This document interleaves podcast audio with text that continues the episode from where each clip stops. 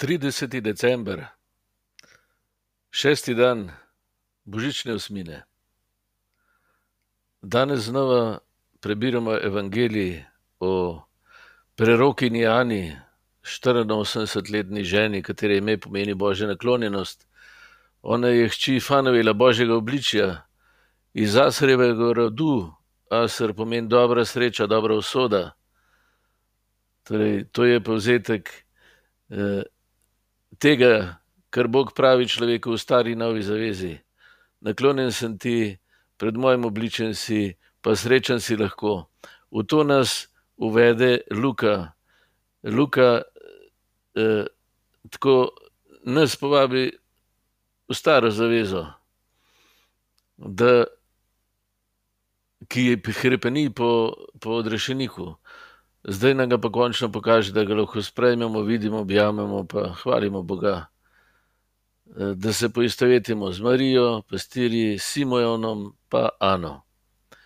Potem nas pa povabi nadaljevanje Evangelija, da gremo skupaj z njim, da poromamo z Jezusom Jeruzalem, kjer do konca uresniči svojo poslušnost očetu, se pravi, da nam pokaže, da smo ljubljeni sinovi hčere, eh, pa da nam omogoči, da smo lahko tudi bratje in sestre med sabo, njegova družina.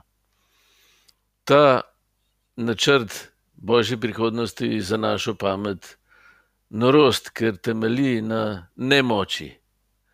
Kaj ti Luka že takrat, ko pravi, da sta ga tri dni iskala, pove, da bo Jezus uh, umrl in ustal. Torej, to je nemoč, ljubezen se ne uveljavlja z nasiljem, tako da nasilje premaga s tem, da ga nosi.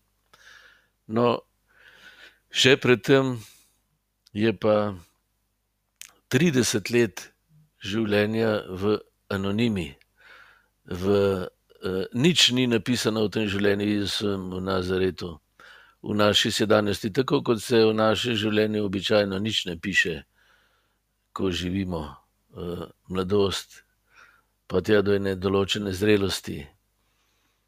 Uh, Jezus v tem času dozreva v modrosti sina, ki postaja brat in poslušen očetu, in s tem zdravi Adamovo norost, ne spamet, ki Boga ignorira in je zato divjak in vso človeku ne pozna brata in ga ubije. No, torej, v ta uh, mladost, Jezusova, o kateri se ne govori, dejansko zajame vse eh, naše dozorevanje, vsakega izmed nas, našo vsakdanjost. Eh, tam se nam Bog razodeva, tam nas uči modrosti, tam je prisoten. Eh, in tam spremenja naše življenje.